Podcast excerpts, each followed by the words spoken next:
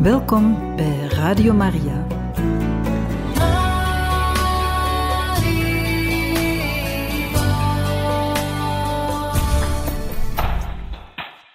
Een zeer goede ochtend gewenst, beste luisteraars van Radio Maria.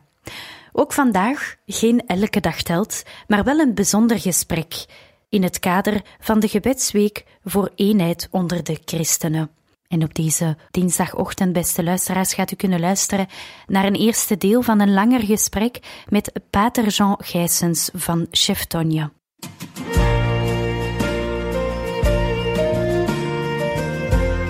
De kerk leeft. Een programma van Radio Maria, u gebracht door Nele.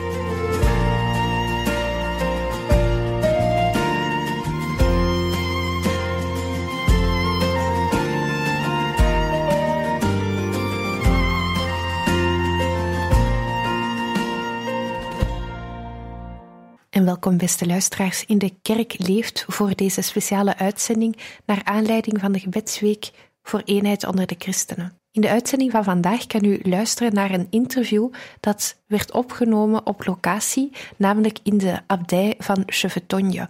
En ik werd daar gastvrij ontvangen door Père Jean Gijsens voor een uitgebreid gesprek over deze gemeenschap met een bijzondere ecumenische roeping.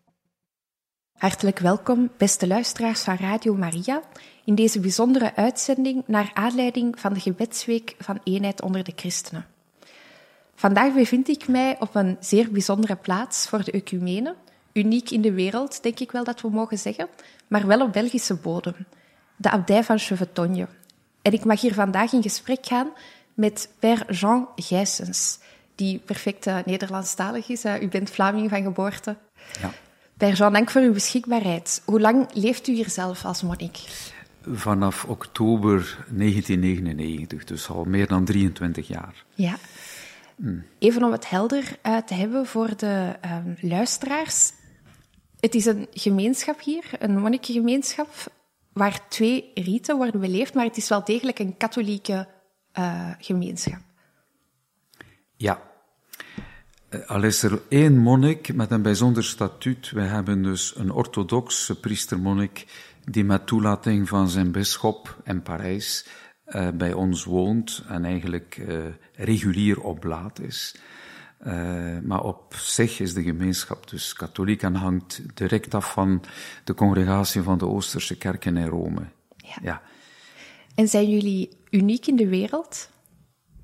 Niet helemaal. Dus er is in Duitsland, in Beieren, een klooster, dus Niederaltaich, ook Benedictijnen, maar die behoren tot de Beierse congregatie, waar ook een groepje monniken de Byzantijnse ritus viert, maar zij functioneren op een wat andere manier. En zij doen ook alles in het Duits, geloof ik. Um, ja, ze zijn dus niet gesticht op die manier. Terwijl wij, wat uniek is bij ons, wij zijn eigenlijk gesticht op vraag van Rome um, om zulke een initiatief te nemen in 1925. Ja, ja misschien wilt u daar meteen uh, over vertellen hoe het eigenlijk allemaal begonnen is hier uh, in Chevetogne. Ja, maar dus wij bevinden ons op het kruispunt van twee bewegingen. Hè? Dus de ecumenische beweging, uh, het streven naar eenheid, zelfs zichtbare eenheid onder de christelijke kerken, uh, dat is al begonnen als streven in de protestantse wereld in de 19e eeuw. En dat heeft dan een groot impuls gekregen vanaf 1910. Uh, dat was dus een missionair congres in Edinburgh. Maar de katholieke kerk was dus helemaal niet daarin betrokken. Hè? Um, maar het klimaat veranderde wel geleidelijk aan. Um, dus uh, na de Eerste Wereldoorlog met name dus. Hè. Men sprak in katholieke kring niet van ecumenisme, maar van unionisme. En ja, het is dus in die context dat er een initiatief gegroeid is om een klooster te stichten uh, dat zou werken aan de toenadering, vooral in de eerste plaats tot de orthodoxie, de orthodoxe kerk of kerken. En dus uh, onze stichter, Don Lambert Baudouin, was monnik in Leuven, in de Keizersberg. Hm? Hij was oorspronkelijk priester van het bisdom Luik. En tijdens de Eerste Wereldoorlog was hij in contact gekomen met het Anglikanisme. En uh, na de Eerste Wereldoorlog uh, was hij professor in Rome en daar had hij contact met het Grieks College, wat aan de Belgische Benedictijnen was toevertrouwd. Ja, en dan had je de grote figuur van kardinaal Mercier, die dus um, in België Russische studenten uh, van een studiebeurs uh, voorzag om te studeren aan de Katholieke Universiteit van Leuven. Er waren andere caritatieve initiatieven, want dus na de Russische revolutie kwamen nogal wat Russen in West-Europa. En de idee begon te groeien, zouden we niet kunnen op religieus vlak ook iets doen om beter die andere traditie te leren kennen van binnenuit. Dus de houding was niet meer polemisch, zoals in de 19e eeuw, maar begon irenisch te zijn. Dat wil zeggen, we moeten eerst elkaar uh, ja, ontmoeten, beter leren kennen. En door gebed en studie en ontmoeting werken, niet aan de overheersing van de ene kerk door de andere, maar aan het opnieuw vinden van de oorspronkelijke communio, hè, die dus in, de eerste, uh, ja, in het eerste millennium het geval was. Hè. Um, en uh, dus dat leefde in België, maar dat begon dan ook te leven in Rome bij uh, de paus uh, Pius XI. Die vroeg dan officieel in 1924 aan de abt-primaat van de Benedictijnen om een dergelijke gemeenschap te stichten. Um, ja, dat was een heel ruim programma. En dat is dus uh, uiteindelijk gerealiseerd eind 1925 in Amay, sur Meuse, door een klein groepje monniken die dus onder leiding van Don Lambert Baudouin daar kwamen uit Leuven. En ja, die uh, moesten dan zelf zoeken hoe ze zouden vormgeven. Hè. Dus de huidige formule is dat we in twee liturgische groepen zijn. De ene groep ja, is de Latijnse groep, die dus gewone Benedictijner officie uh, volgt, hè, de Romeinse liturgie, uh, terwijl de andere groep volgt de Byzantijnse ritus integraal. Bij bepaalde gelegenheden zijn we allemaal samen. Hè. Uh, dat kan ik nadien nog wat uitleggen. Maar dus die eerste jaren was een zoeken, hè, hoe ze het zouden doen. Er is dus niet alleen belangstelling geweest voor de Oosterse kerken, maar ook voor de kerk van Engeland. En dat was dus ook mede door de Mechelse gesprekken waar kardinaal Mercier achter stond. Dat waren dus niet officiële uh, gesprekken uh, tussen 1921 en 1926. En uh, ja, onze gemeenschap dus van Amay, uh, die was door de figuur van Don Lambert daar ook in betrokken. Uh, ja, er zijn dan nadien moeilijkheden gekomen, omdat dat niet zo goed begrepen werd uh, in die tijd. En geleidelijk aan, ja, is er hoe zou ik zeggen, um, een ervaring gegroeid. Hè? Maar dus het permanente, wat we nog altijd hebben, dat is het volgende. De, de grondintuïtie is de volgende. De monniken, dus de meeste westerse monniken zijn dus van Benedictijnse traditie. Um, ja, dat, eh, de monniken bewaren een gemeenschappelijk erfgoed hm, van de ongedeelde kerk, van voor de scheidingen en worden ook zeer gewaardeerd in de Oosterse kerken. Bon. Belangrijk daarbij is het luisteren naar Gods woord in de Heilige Schrift, de studie van de kerkvaders en de grote spirituele figuren, de gastvrijheid, de beschikbaarheid voor oproepen vanwege de kerk en natuurlijk het primaat van de lofprijzing Gods in de liturgie. En uh, dat beleven wij dus ja, met de twee longen waarover de heilige Johannes Paulus II sprak, dus de Oosterse en de Westerse long. Um, dus wij proberen eigenlijk een figuur te zijn van um, ja, de universaliteit. Natuurlijk, er bestaan veel meer uh, ritussen dan alleen de Latijnse en de Byzantijnse. En een ritus is niet alleen maar een ceremonieel, maar is eigenlijk een inculturatie, een geslaagde inculturatie van het christelijk geloof. Hm? Uh, dus het belichaamde een bepaalde kerkbeleving waar we vol eerbied mee omgaan. Hm? En dus uh, het, het, aannemen van de Byzantijnse ritus was in de eerste plaats opdat de monniken bij hun studiewerk voor de ecumene ook uh, innerlijk zouden de ervaring opdoen van wat het is uh, in, die, in die traditie te staan. En daarbij is dan toch gekomen ook dat we die rijkdom willen leren kennen uh, aan westerse gelovigen. Vandaar dat men onze mooie Byzantijnse kerk heeft gebouwd uh, in de jaren zeventig. Maar dat was mijn inleiding dus nu. Hè. Ja, ja mm. er komen meteen al wel veel vragen bij mij op. Maar misschien ja. toch eerst even helder krijgen mm. voor de luisteraars. Mm. Wat ecumene precies is en hoe dat begrepen wordt. Het is van oorsprong een Grieks woord. Ja, dus het. Griekse woord betekent het geheel van de bewoonde aarde. Hè? En tijdens de eerste eeuwen van het christendom gaf men aan bepaalde concilies het kenmerk ecumenisch, eh, om aan te duiden dat ze de kerk wilden bijeenbrengen die verspreid was over gans de oecumene, dat wilde zeggen het Romeinse Rijk. Maar de term heeft dus in die moderne ecumenische beweging van streven naar christelijke eenheid dus een andere betekenis gekregen. Hè? En uh, die betekenis is dan eigenlijk uh, door het Tweede Vaticaans Concilie als volgt uh, verwoord. Hm? ik citeer dus uit het decreet over de katholieke deelneming aan de ecumenische beweging, dus dat dateert ja, 1964 of 65 of zo. Ja, 1964. De Heer der eeuwen zet met wijsheid en geduld zijn genadeplan jegens ons zondaars voort.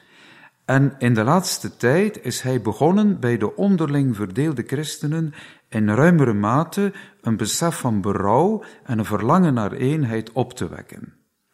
Door deze genade zijn overal zeer veel mensen getroffen en ook onder onze gescheiden broeders is door de genade van de Heilige Geest een steeds sterkere beweging ontstaan om de eenheid van alle christenen te herstellen.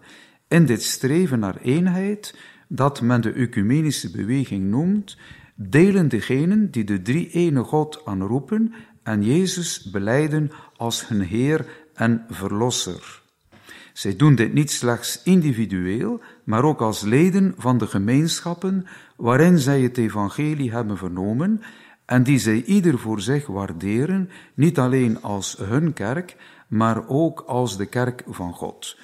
Dus dat was eigenlijk een bekrachtiging uh, van uh, die ecumenische beweging die ontstaan is buiten de katholieke kerk. Hè. Uh, en waar men ja, in de jaren twintig uh, nog niet volledig open voor stond. Hè. Dus in, het pontificaat van Pius XI was er eerst een, een, zekere openheid, vandaar dus het initiatief van onze stichting. Maar in 1928 uh, eh, is dan een, uh, ja, een, hoe zou ik zeggen, een, een frein, dus een, een rem uh, gepubliceerd, Mortalium Animos, uh, dat zegde dat de katholieken niet mochten deelnemen aan bijeenkomsten met andere christenen, tenzij met heel bijzondere toelating. En uh, dus uh, dat klimaat veranderde. Dat heeft dan na de, tijdens en na de Tweede Wereldoorlog is dat klimaat dan weer veranderd in een meer positieve richting. Uh, dus men mocht dan met de nodige discretie uh, studiedagen organiseren met theologen van verschillende christelijke kerken. Dat mocht na de, tijdens en na de Tweede Wereldoorlog. Ja. -hmm. En op welke manier lag dat uh, in die tijd gevoelig? Want in het begin was het een beetje een zoeken van de manier waarop men omging met andere christenen? Het is te zeggen, men zag het gewoon zo. Hè? Uh, wij zijn de ware kerk en de anderen uh, moeten maar terugkeren naar Rome. Uh, en ja, terwijl de Irenische benadering, dus ook nog binnen dat perspectief van de terug, eventuele terugkeer naar Rome, benadrukte dat er heel wat complexe factoren meespelen in de verdeeldheid. Het is niet allemaal puur religieus. Uh, er zijn misverstanden uh, geweest, er zijn pogingen tot dialoog uh, niet doorgegaan uh, en zo verder. En dat alles kun je niet in een handomdraai terug goed maken. Hè? Het is dus ook niet genoeg om emotioneel positief te zijn. Hè? De, dus uh, er is nood aan een theologische dialoog, maar dus dat is pas echt geleidelijk aan doorgedrongen. Hè? Dus dat er um, een inspanning moet gebeuren om ook de geschiedenis van de anderen te verstaan. Hè? En die inspanning is in de eerste plaats gebeurd naar ja, de kerk uh, toe die objectief het dichtst staat bij ons, namelijk de, de orthodoxie. Hm. Mm -hmm. Objectief het dichtst bij ons in de zin van doctrine? Ja, dus wij hebben de, de zeven eerste concilies, dus tot en met Nicea 2 van 787, uh, die, die worden erkend zowel door de orthodoxe kerken als door de Rooms-Katholieke kerk. Hè. Wat er nadien dus bij ons is gebeurd, uh, dat beschouwen de orthodoxen als zaken van het Westen en zij hebben zowel nationale als meer uh, panorthodoxe concilies uh, gehad. Uh, en recent, in 2016, hebben ze dus ook nog een na lange, lange voorbereiding een eh, pan-orthodox concilie gehad. Maar de term ecumenisch concilie, ja, die term schept ook een beetje verwarring, want Um, ja, het is nog niet echt ecumenisch. Hè? Um, het, het, wil, het wilde dat zijn in die zin dat er voor de eerste keer, dus in uh, 1962, heeft men ook waarnemers van andere kerken uitgenodigd. Hè? En uh, dus uh, in die periode is het secretariaat voor de eenheid uh, ontstaan in Rome met figuren als kardinaal Bea en dan kardinaal Willebrands. En dat alles is eigenlijk hier ook voorbereid, mede hier voorbereid. We zijn de jaren 50. Mm -hmm. ja.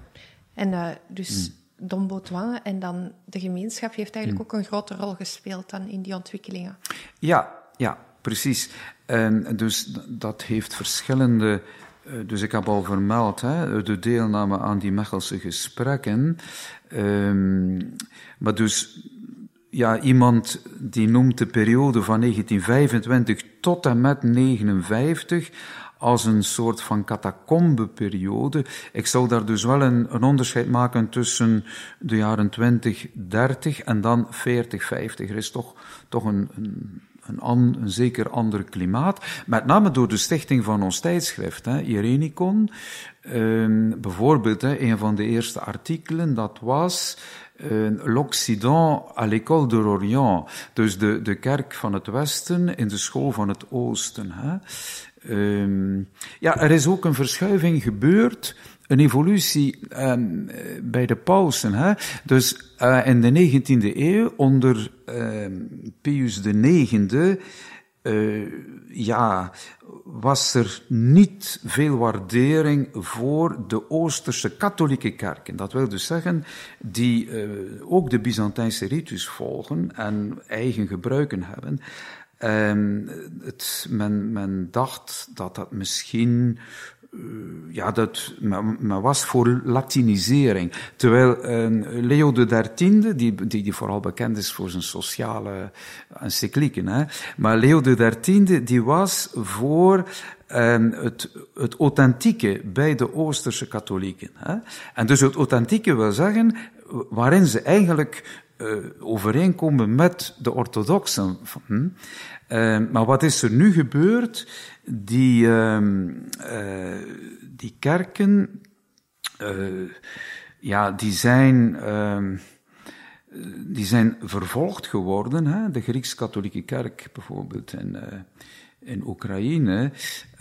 en die zijn dus uit de catacomben gekomen in de jaren na de, de politieke verandering, hè, eh, 1989, 90, hè, en die hebben een nieuwe bloei gekend. En op het eerste zicht zou je zeggen, ja, dat is een brugfunctie naar de orthodoxie toe. Maar dat wordt in de orthodoxie juist omgekeerd gezien.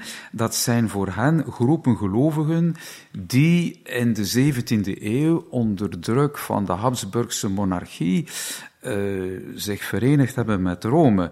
En dus dat was een sterk discussiepunt in de, in de officiële dialoog tussen Rome en de orthodoxie.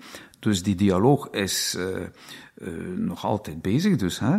En uh, ergens in de jaren 1990 is er dus dan een, een document geweest waar men erkend heeft, kijk, wij kunnen niet meer die politiek doen van het uniatisme. Hè?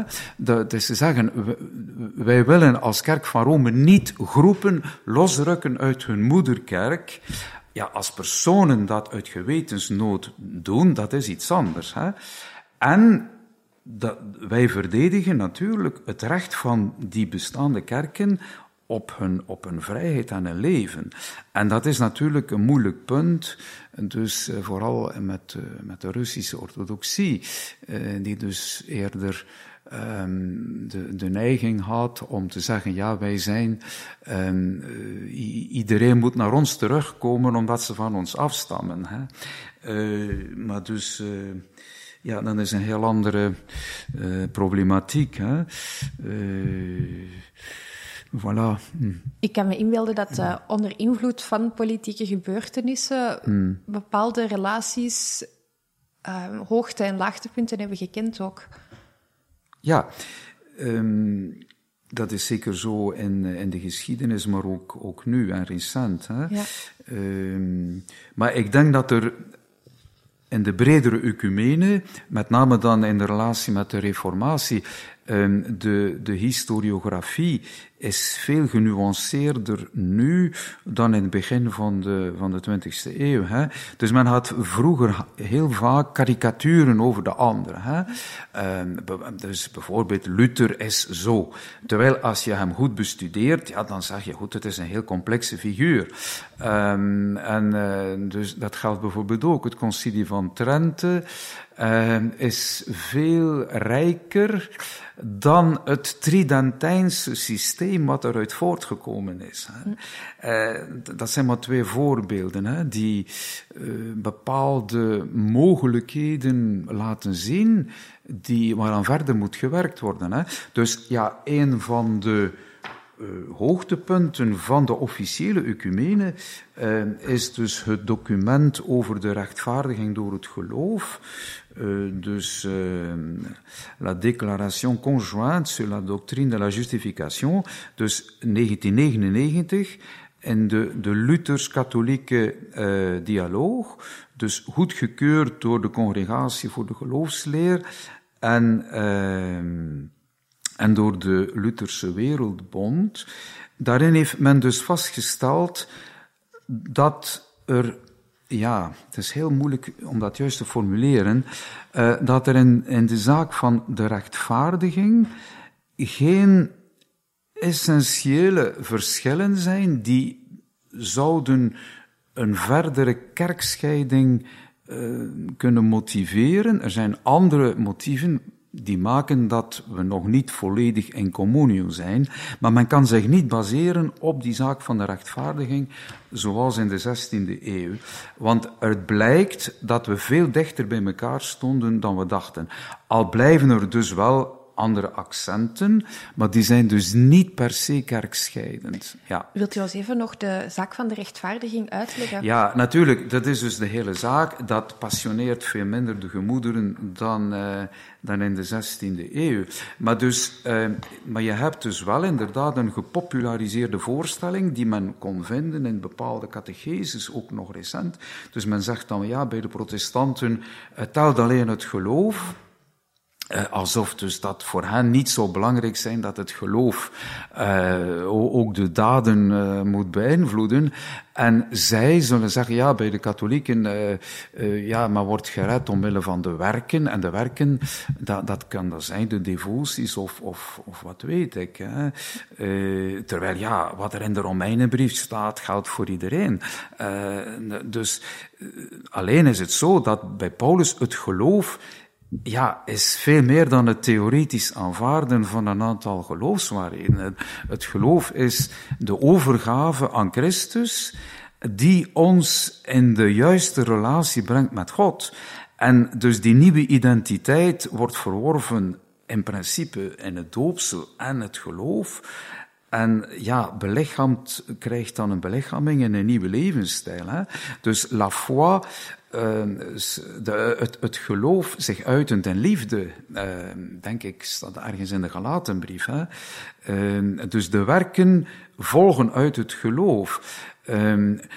ja, de, dus uh, dat is de hele zaak. Hè? Natuurlijk, als men zegt door het geloof alleen, maar dat staat letterlijk in Paulus, uh, ja, wil dat niet zeggen uh, dat, dat het, ja, dat het geen vorm krijgt. Hè? Anders is het geloof eh, niet, niet, niet echt. Hm? Uh, maar, ja. maar, maar dus de accenten kunnen nog wel inderdaad verschillen. Hè? En uh, daarbij zal dan bijvoorbeeld de orthodoxie, de orthodoxe kerk, zal zeggen dat is een typisch westerse discussie uh, ten gevolge van uh, ja, Augustin, Sint Augustinus. Men is zeer met die problematiek bezig in het Westen uh, terwijl in het oosten is, dat probleem minder naar voren gekomen. Hè.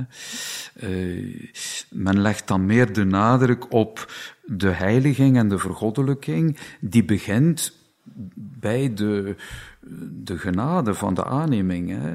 Dus uh, ja, die, ja, er is dus ook een hele spiritualiteit gebleven Um, in het Frans kan men dat mooi zeggen, au-delà des divergences uh, des confessions. De, dus er is een soort van, um, niet tegenstaande de kerkscheidingen, is men bepaalde auteurs van andere kerken blijven lezen. Dus ik geef een paar voorbeelden. De navolging van Christus, ja, dateert uit de moderne devotie is ook in protestantse kring blijven, men is dat blijven lezen.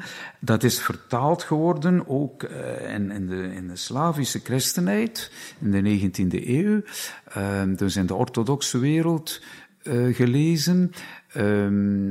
Omgekeerd zijn er teksten zoals de verhalen van de Russische pelgrim en uh, over het Jezusgebed is heel populair geworden in het Westen.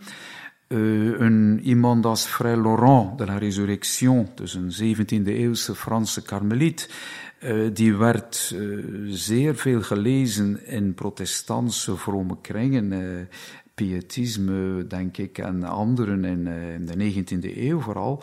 Dus ja, zoals Johannes Paulus II ook heeft geschreven in Ut Unum Sint, 1995, Um, de, er is een heel martyrologium ook, hè, dus van uh, geloofsgetuigen van verschillende kerken die samen geleden hebben in concentratiekampen, in gevangenissen.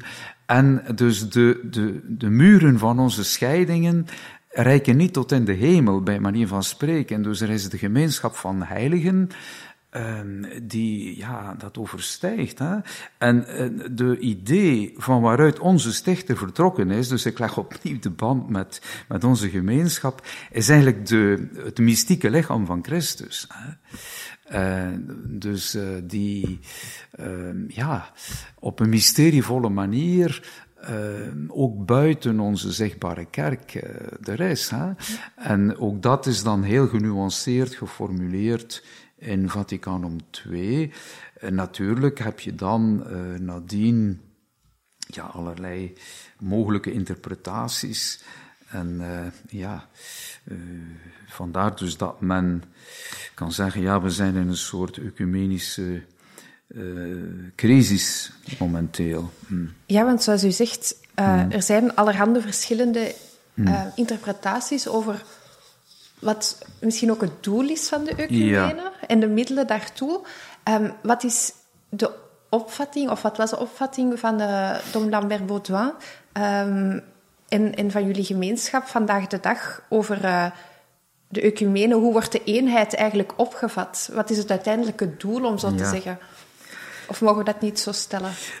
Maar ze zeggen, wij hebben niet een eigen ecumenisch project dat zou verschillen van, uh, laten we zeggen, van de kerk in het algemeen. Maar, maar, maar, juist, de kerk in het algemeen eh, zijn er ook verschillende accenten. Hè? Um, dus ik baseer me vooral op een grote figuur als kardinaal Casper, bijvoorbeeld. Hè? Um, uh, hoe zou ik nu zeggen? Ja, het grote verschil is het volgende. De, de katholieke kerk en de orthodoxe kerk heeft eigenlijk dezelfde visie op eenheid, moet wortelen in dezelfde doctrine en het wederzijds erkennen van de sacramenten en dus, uh, uh, ja, uh, vandaar dus dan moet je onderscheiden vanaf wanneer kun je zeggen dat je doctrineel eh, voldoende één bent. Hè? Uh, dus met de orthodoxie is dat bijna het geval. Dus ik denk aan iemand als patriarch Bartholomeus, uh, ja, die, die, die zal ook in die, in die visie intreden, denk ik. Hè? Dus van een bijna in communio zijn. Bon. Dus de communio van bijvoorbeeld samen de Eucharistie te vieren, hè, uh, ja, veronderstelt volgens het katholieke officieel standpunt en het orthodoxe officieel standpunt dat we eerst volledig akkoord zijn. Dus ja, bijvoorbeeld over de ecclesiologie. Dus de leer over de kerk is bij ons steeds meer gecentraliseerd geraakt. Terwijl bij hen uh, is het bijna, uh, ligt meer de nadruk op de lokale kerk en op soms de nationale kerk, met soms ook bepaalde uh, gevolgen van dien. En in de dialoog momenteel zoekt men hoe de drie niveaus in evenwicht kunnen komen. Dus het lokale niveau, dat is het bisdom. Het regionale, wat bij ons een beetje zwak is. Hè? En dan het universele niveau wat in de orthodoxie dus een zeker probleem is, omdat zij niet akkoord zijn wie er een initiatief kan nemen die alle kerken, um, laten we zeggen, verplicht. Hm? Dus er is momenteel een, een breuk tussen Constantinopel en, en, Moskou, reeds van voor de oorlogssituatie. Bon, het zou me te ver leiden om daarop in te gaan. Terwijl de, de meer protestantse visie op de eenheid die zal de zichtbare eenheid uh, van een, ja, met een gelijke een hiërarchie die elkaar erkent en zo, minder belangrijk vinden. Ze zullen zeggen, er is al een spirituele eenheid die voldoende is, en dat institutionele aspect is minder belangrijk. Maar je hebt dus binnen het protestantisme heel verschillende uh, visies daarop. Sommigen die dus dichter zijn bij wat wij uh, denken. De, dus wij hopen nog altijd op een zichtbare eenheid. Hm, voor de parousie, voor de komst van Christus. terwijl er bestaat een andere visie die zegt, ja, van in het begin zijn er verdeeldheden geweest. Hè? je mag dus ook de oude kerk niet idealiseren. Bijvoorbeeld ook het eerste millennium, eh, dus ja, was Rome en Constantinopel waren in communio, maar er waren perioden van, van een breuk en ja, van. Ik denk dat, de, dat er meer hartelijke relatie is nu, ook al is men officieel nog niet in communio, dan bepaalde periodes in het eerste millennium. Hè. Uh, ja. Maar dus men beseft ook dat er culturele factoren en politieke factoren hebben meegespeeld. En met name bij de oud-Oosterse kerken, de Kopten, de Armeniërs, die zijn dus al buiten, de, het, het, ja, buiten of, of aan de rand van het Romeinse Rijk, uh, hebben die moeite gehad om de, de, grote concilies zich eigen te maken. Hè? En dus ook, ook die kerken zijn heel belangrijk in, in, in de dialoog. Hm.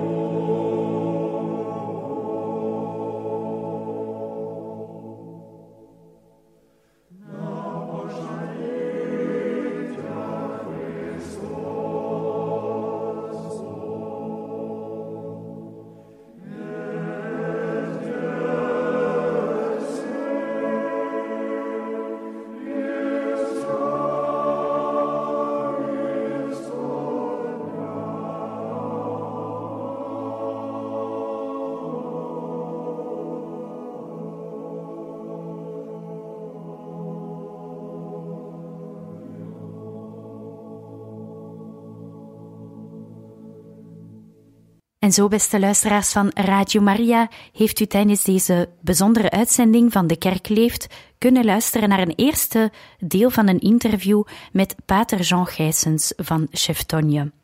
Morgen, woensdagochtend, gaat u kunnen luisteren naar het tweede en laatste deel van dit gesprek van Nele met Pater Jean Gijsens in deze bijzondere aflevering van De Kerk Leeft in het kader van de Gebedsweek voor eenheid onder de christenen.